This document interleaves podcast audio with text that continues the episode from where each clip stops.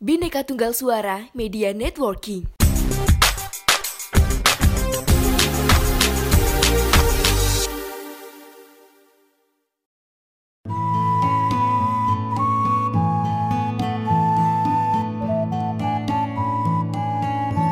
Sketsa suara, kata, rasa, logika.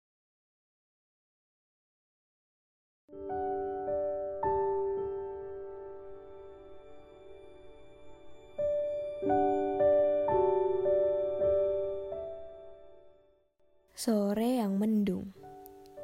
Januari tinggal beberapa hari saja. Kucoret angka-angka yang tanggal dan telah terlewat di kalender kecil di atas meja. Ku baca headline berita elektronik di dalam ponsel. Lagi-lagi isu pelecehan perempuan. Isu-isu feminisme. Isu-isu gender Kurenungi pikiran-pikiran, gagasan-gagasan yang bergelayut hilir mudik di kepalaku.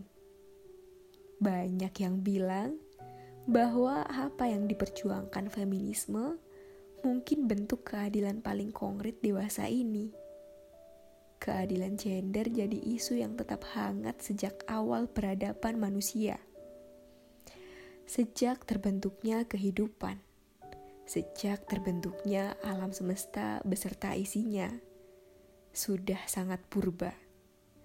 Mungkin sama tuanya dengan masalah pelacuran.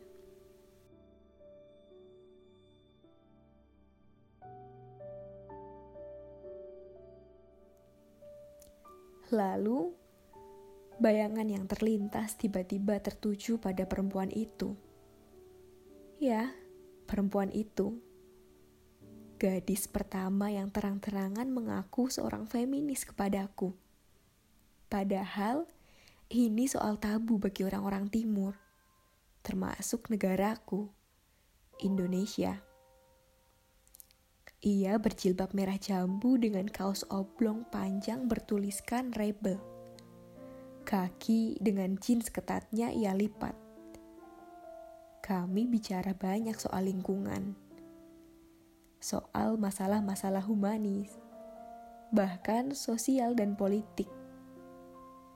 Dia sungguh teman diskusi yang asik. Kutakar, IQ-nya jelas di atas rata-rata. Semua yang ia ucapkan seolah menjadi sihir bagiku yang membuatku selalu mengiyakan apa yang ia ucapkan. Aku yang berusaha mati-matian menahan grogi, tiba-tiba tercekat sebentar. Ketika sejurus kemudian, ia mengeluarkan kretek, membakarnya perlahan, lalu menyodorkannya padaku. Dia menawariku mau merokok atau tidak.